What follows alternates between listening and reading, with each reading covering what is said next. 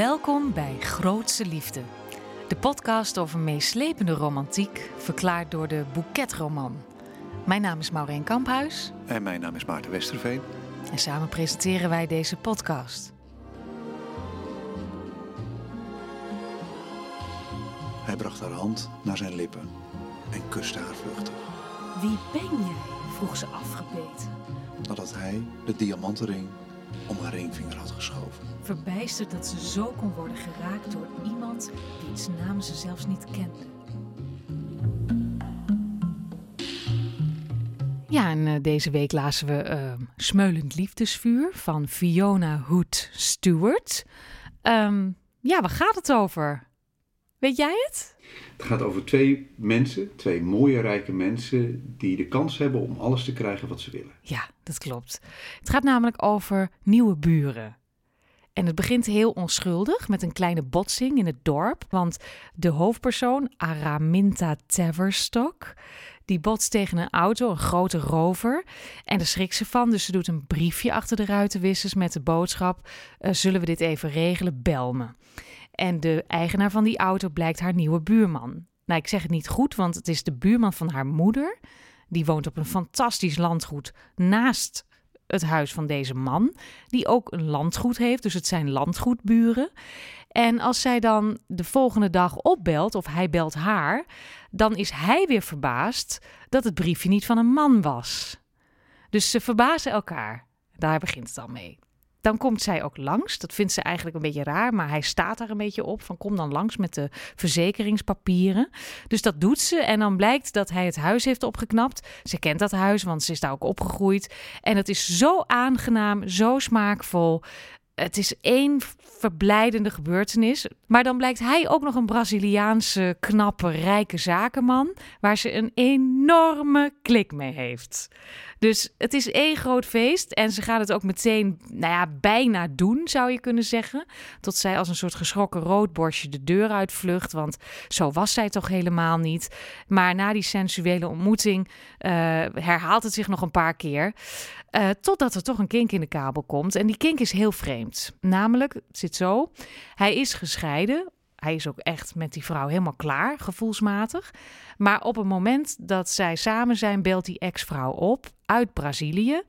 En dan hoort Araminta dat hij met een vrouw aan de telefoon is. Hij wordt blijkbaar boos en, en, en wat geagiteerd. Dus hij hangt op. En dan zegt ze: Wie was dat? En dan zegt hij: Mijn vrouw. Nou, je begrijpt. Araminta is helemaal geschokt, want ze heeft tot dit moment gedacht: hij is zu haben. Dus uh, zonder een spier te vertrekken pakt ze haar spullen en verdwijnt uit zijn huis. Ze huurt een huisje in Schotland. Daar zit ze een paar dagen te kniezen. Het is ook bijna kerst, dus het wordt allemaal heel vervelend. Dan staat hij ook nog midden in die koude winternacht voor de deur. Hij komt binnen ze hebben weer een hele sensuele avond en nog steeds zegt hij niet dat hij gescheiden is. Het is ongelooflijk. Dus ik vroeg mezelf wel af.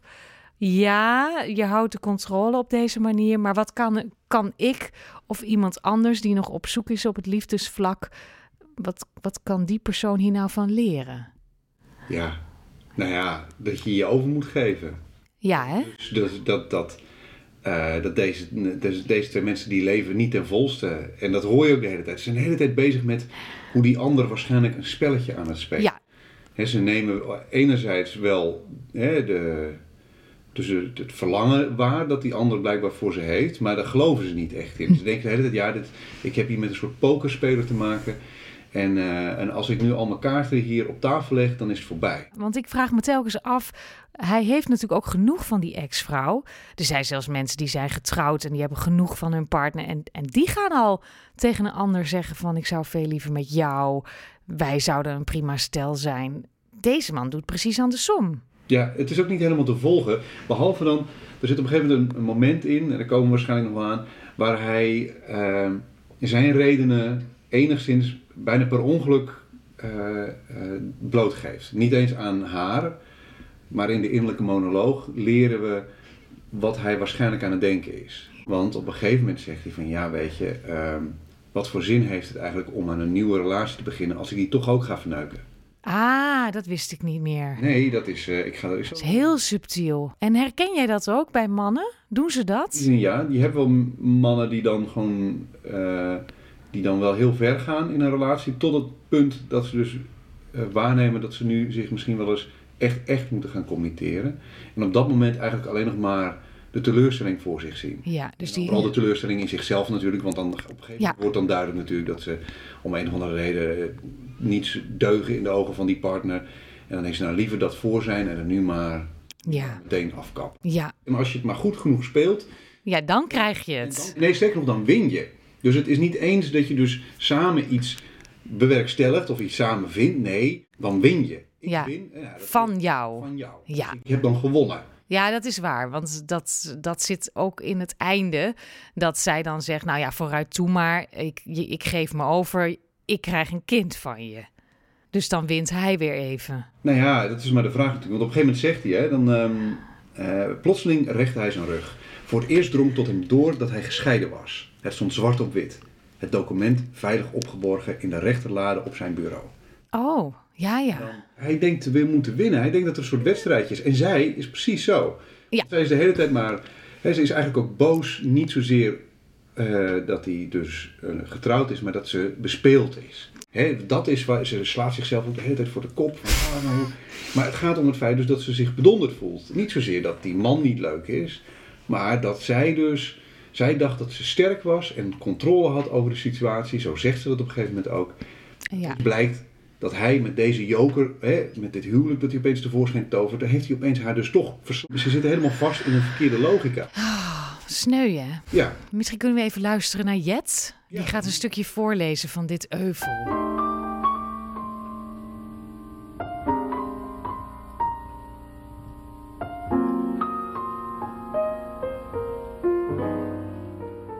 Beneden pookte Victor bedachtzaam in het haardvuur. Hij had nog een paar dagen voor het nieuwjaar was, dus die kon hij maar beter goed benutten. Hij vroeg zich af wat Araminta aan het doen was. Even overwoog hij zijn besluit om niet aan te dringen te verbreken. Zou hij naar boven gaan en zien wat ze aan het doen was? Nee, nee. Dat was voor geen van beiden eerlijk. Hij had haar toch immers niets te bieden? Plotseling rechtte hij zijn rug. Voor het eerst drong het tot hem door dat hij gescheiden was. Het stond zwart op wit. Het document veilig opgeborgen in de rechterlade van zijn bureau in Eaton Place. Maar dat betekende nog niet dat hij iets te bieden had, bracht hij zichzelf snel in herinnering. De banden die hem te lang hadden vastgehouden, waren eindelijk verbroken. En het laatste wat hij wilde, was zich in een nieuwe relatie storten, die onvermijdelijk ook zou mislukken. Hij slaakte een zucht. En met een strak gezicht ging hij in de dichtstbijzijnde fauteuil zitten. Wat had Araminta toch dat ze iets in hem had geraakt waarvan hij gedacht had dat het voor altijd verdwenen was? Was het die lieve glimlach op die weelderige lippen? Of was het juist de gekwelde blik die soms in haar grote ogen verscheen? Was hij dan zo'n dwaas dat hij voor zoiets eenvoudigs viel? Hoe hard hij echter ook probeerde, hij kon zich er onmogelijk van overtuigen dat die eigenschappen van haar nep waren. Het enige wat hem ervan weer hield de trap op te rennen, haar op bed te gooien en nog eens hartstochtelijk de liefde met haar te bedrijven, was de wetenschap dat hij daarmee hun stilzwijgende afspraak zou schenden. Ja, Ja. Wel veel minderwaardigheidsgevoelens, hè? enorm, enorm. Hij, hij, hij denkt op voorhand al dat als hij een relatie aangaat met iemand, dat het toch niet goed zal zijn. Dat het toch niks zal worden. Ja. Maar wat ik het vreemdste vind in deze scène, Nou, is hij weet niet dat hij gescheiden is. Maar hij is gescheiden. Hij heeft de Ja. papieren ervan. Maar dit is de eerste keer dat hij zich dat realiseert. ja, terwijl die papieren al een paar weken in zijn in zijn lade liggen. En Hij heeft het zelf ondertekend. ja, ja, bedoel, hij was erbij, toch? Bij de scheiding. Bedoel, Ja. een, Ken jij En- dat? Dat mensen tegen je zeggen van... eh, nou, wat ik me gisteren zat te bedenken... is dat ik eigenlijk al een maand of twee gescheiden ben. Nee, nee ik, heb, ik, ik ken wel dat bijvoorbeeld eh, iemand zegt... wat ik me gisteren realiseerde... is dat ik al een maand of drie, vier, vijf, zes op iemand anders verliefd ben.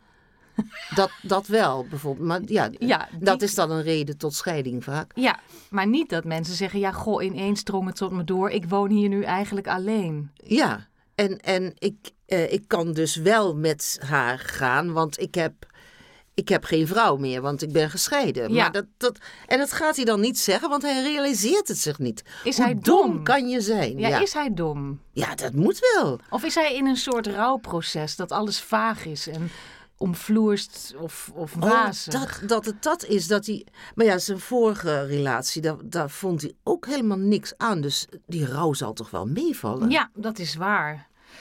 Ja, dat is wel vreemd, hè? want hij heeft een landgoed, hij heeft een rover, hij is Ja. heel knap, hij heeft heel veel te bieden. De En eerste, hij, het eerste wat hij Ja. denkt is, ik heb niks te bieden. Wie zou hem dat dan hebben aangepraat? Zijn moeder of zo? Of zijn ex-vrouw. Ja, Je kan helemaal niks, helemaal niks ken jij. Dat is het zo'n ja type maar, is eh, het is allemaal nep en wat je ook laat zien, dat, dat is uiteindelijk een luchtbel. Daar prik ik zo doorheen, het is niks. Maar ja, en, en dan wat ik ook gek vind. Araminta heeft iets in hem geraakt. Ja, Wat hij dacht dat voor altijd verdwenen was.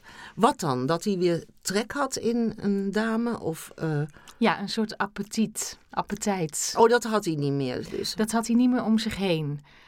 Ja, of, of hij heeft inderdaad zelf een gevoel van tederheid dat zij oproept waarvan hij dacht dat het verdwenen was. Oh ja, dat natuurlijk heel gevoel. verhard, hè? Ja, ja, ja. Nou, wat is het dan wat Araminta heeft en wat is het dan dat mij raakt? Dan noemt hij een aantal dingen op Ja. en dan zegt hij als conclusie: was hij zo'n dwaas dat hij voor zoiets eenvoudigs viel?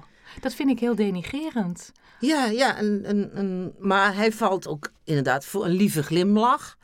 En voor een gekwelde blik. Maar het is niet heel eenvoudig. Ben jij Nou, wel eens iemand tegengekomen die en een lieve glimlach had en, een heel gekwelde Ja, blik? maar Dat niet complex, tegelijk. hoor. Niet tegelijk, Ja, toch? maar Of zij- wel? nee, het is Ja, misschien oh. een paar minuten na elkaar, maar het is Ja. wel gelaagd en complex. En dat heeft, blik. hem, heeft ervoor gezorgd dat hij weer trek heeft. Dat Ja, hij weer hij appetijt trap heeft. en- Ja, Ja. Hij wil de trap oprennen en met haar de liefde bedrijven.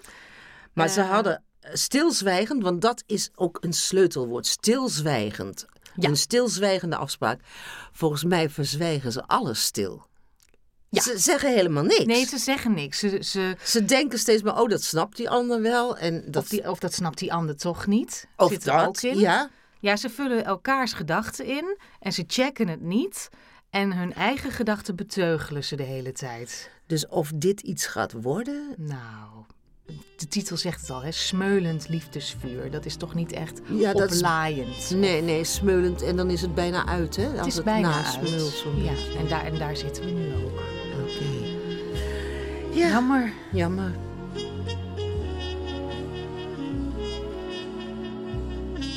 In de studio naast mij zit eh, professor Alex Stieleman, helemaal eh, uit Keulen gekomen. Welkom eh, Alex, mag ik Alex zeggen? Mm, Ja, ja. Ehm, professor, u bent eh, een relatiedeskundige en u heeft een boek geschreven op het gebied van praten voor partners. Ja. En u, u hecht veel belang aan praten, hè? want u vindt praten in een relatie is het allerbelangrijkste, nietwaar? Mm, Ja. En eh, waarom is dat eigenlijk zo belangrijk? Ja. ehm, En denk- denkt u dat er bijvoorbeeld eh, minder misverstanden ontstaan? Of dat, eh, ja. ja, en, en dat partners misschien ook ehm, misverstanden kunnen voorkomen? Of een gevoel van warmte kunnen ontwikkelen, verbondenheid? Ja, ja, absoluut. Ja. Hè? Praten is misschien eh, net zoiets als knuffelen. Ja, Ja, in zekere zin. Ja. ja. Ehm, u heeft ook een boek met een methode. Mm, Dus het, dus het is te leren. Ja, Ja? ja. Ja, dat is, eh, ja. Eh, wat is eigenlijk de kern van eh, de methode? Mm, die Liebesfest wordt zelfs. Oh, aha, ja.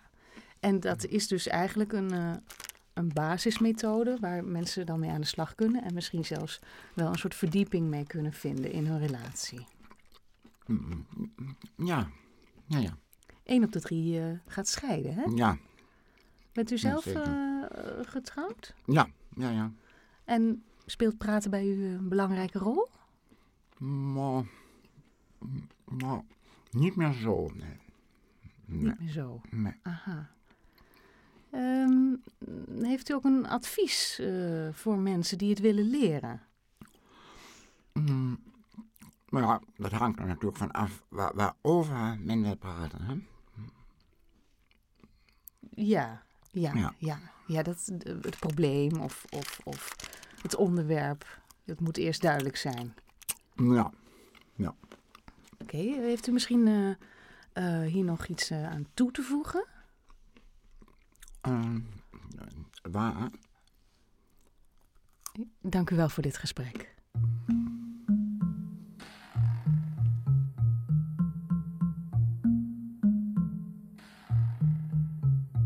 Kus me, Victor. Ik heb besloten dat ik gekust wil worden.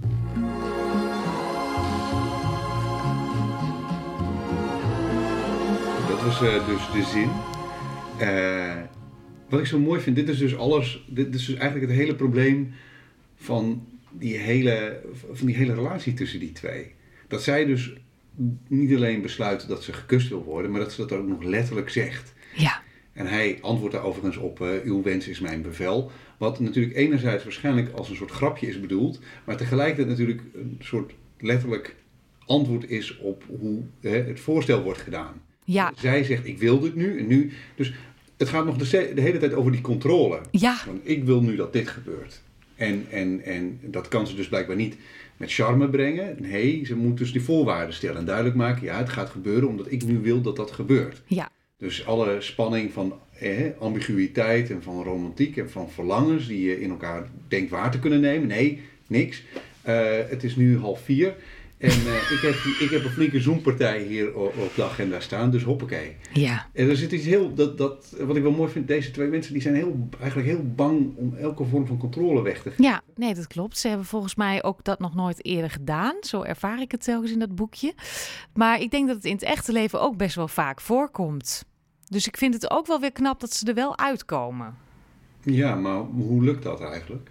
Door op een gegeven moment toch toe te geven eh, wat er echt aan de hand is. Hè? Hij zegt, ik ben inderdaad eh, beschikbaar en ik hou wel van je. Dat zegt hij toch op een gegeven moment wel. En zij begint toch ineens te mummelen over dat kind. Dat er Oh ja. aan zit te komen. By the way. By the way. Ja, want dat zegt ze heel laat, hè? Ja. Heel laat. Dan is ze al drie maanden zwanger en al heel lang misselijk. En dan zegt ze pas hoe het zit. Dus ik denk dat ze er uiteindelijk op het nippertje uitkomen. Maar het is niet handig.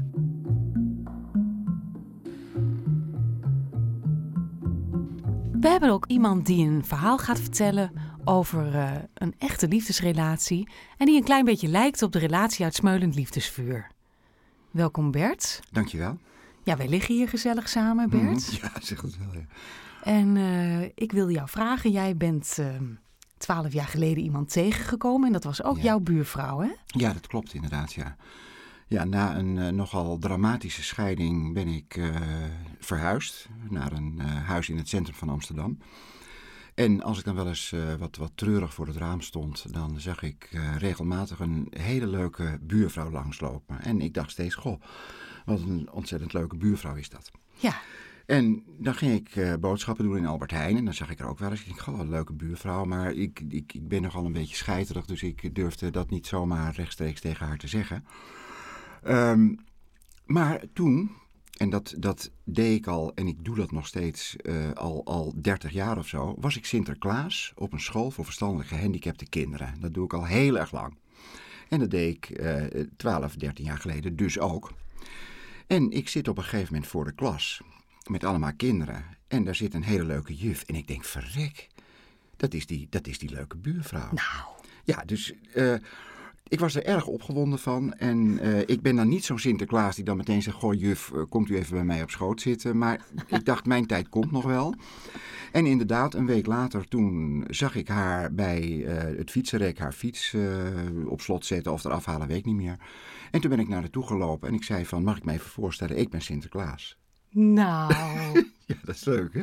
Wat een feestje. Ja, nou, en eh, ja, toen is het min of meer begonnen, zeg maar. Ik weet, ik weet niet of het leuk is om dat hele traject dan ook te vertellen van hoe dat is begonnen en wat we toen hebben gedaan. Want we zijn heel voorzichtig begonnen namelijk. Ja, ja want even tussendoor. Ja. Jullie waren buren. Ja. Hadden jullie ook een landgoed? Nou, ja, geestelijk wel. Precies, Ja, ja, ja. alle twee. Ja, dus jullie zeker, allebei zeker, iets moois te bieden aan elkaar. ja, ja, ja. ja. En- Heel dieps ook. Ja, Ja. en eh, toen in dat fietsenrek, Ja, ehm, toen heb je dat gevraagd. ja. En hoe reageerde zij? Eh, ze reageerde heel blij verrast. Had ze jou ook eh, herkend? Nee, nee, om, omdat ik als Sinterklaas heb ik meestal een, eh, een baard eh, voor en, En- een, en een muts, een mijter op. Ja, en die heb je nu niet op. Nee, En nee. ook en geen toen ook niet bij dat fietsenrek. Nee. Maar, dus- maar ze herkende me wel aan mijn stem, dus dat vond ik wel heel leuk. Oh, dat is ja. wel leuk. Ja. En toen jij daar stond en jullie hebben het eerste gesprekje gehad, Ja. heb jij toen ook ehm, meteen verteld dat jij gescheiden was? Ehm, nou, niet, eh, niet meteen. Nee. Nee. Dat heb je nog een tijdje voor je gehouden. I- ehm, i- ja.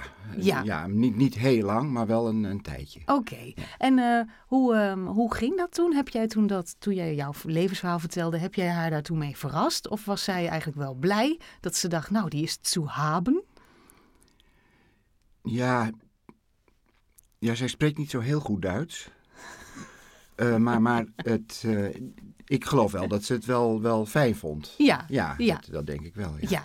ja, ik vraag dit omdat in het boekje zijn de hoofdrolspelers nogal, ja, je zou kunnen zeggen, dol op dingen voor elkaar te Ja, ja, dat viel mij ook op. Ja, Ja, maar jullie hebben misschien een wat andere start gehad. ja. Eh, want jij begon meer met onthullingen. Hè? Ik ben Sinterklaas, Ja. ik ben de buurman. ja, ja, En uiteindelijk ook, ik ben gescheiden. ja, ja, ja, ja.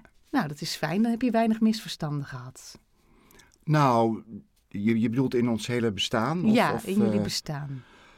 Nou, we hebben wel een keer een, een, een misverstand gehad toen. eh, eh, toen, toen ik kwam ik, ik op een gegeven moment s'avonds wat later thuis, want ik, ik had een activiteit s'avonds gehad.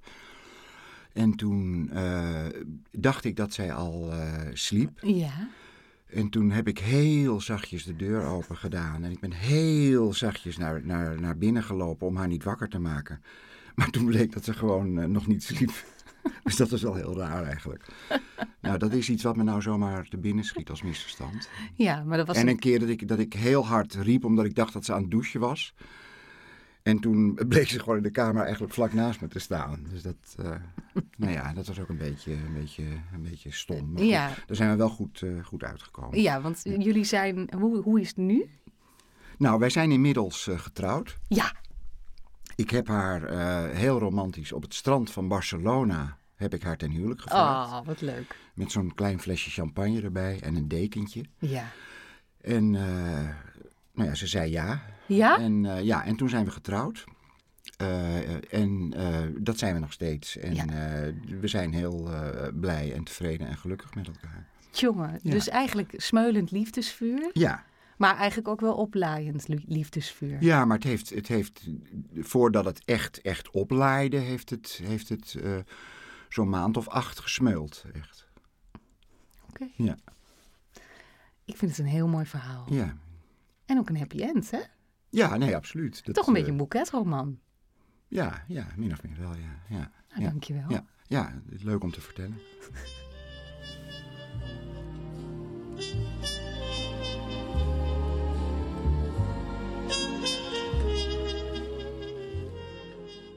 Hè, Ik denk wel dat dit eh, een heel leerzaam boekje is, denk je niet? Ja, ik hoop ook wel dat mensen de les eruit oppikken. Ja, dat je toch dingen moet zeggen, hè? Je moet dingen, je moet je vooral overgeven. Hoewel dat natuurlijk in zichzelf ook best wel spannend is. Die vrouw in het boek wil een soort boeketroman, man. Ja. Misschien willen heel veel mensen dit, want die boeketromans zijn heel erg populair. Ja, nou daar komen we toch altijd op terug. Dat er stiekem dus, dat er een grote waarheid onder eh, al deze verhalen ligt. Klopt. Ik ga ook maar weer naar de sportschool. Gewoon doen. Gewoon doen. Het was wel een mooie aflevering. Ik, voel- en, nou, eh, we hebben heel veel geleerd. Ja, zeker. En ik ga het ook eh, ehm, toepassen. Ja, want wat we hebben geleerd is dat de liefde een spel, maar geen wedstrijd is. Precies. En dat je je ook moet over kunnen geven, anders wordt het ook nooit wat. Ehm, ja, wat zullen we de volgende keer doen? Volgens mij had jij een suggestie, iets over Schotland. Volgende keer gaan we naar Schotland. Dat is goed. Met passie als wapen. Passie als wapen. Tot de volgende keer. Deze aflevering kwam tot stand door bijdragen van Maarten Westerveen, Jet van Bokstel, Bert Waldhaus en mijzelf Maureen Kamphuis. En de montage was van Matty Poels.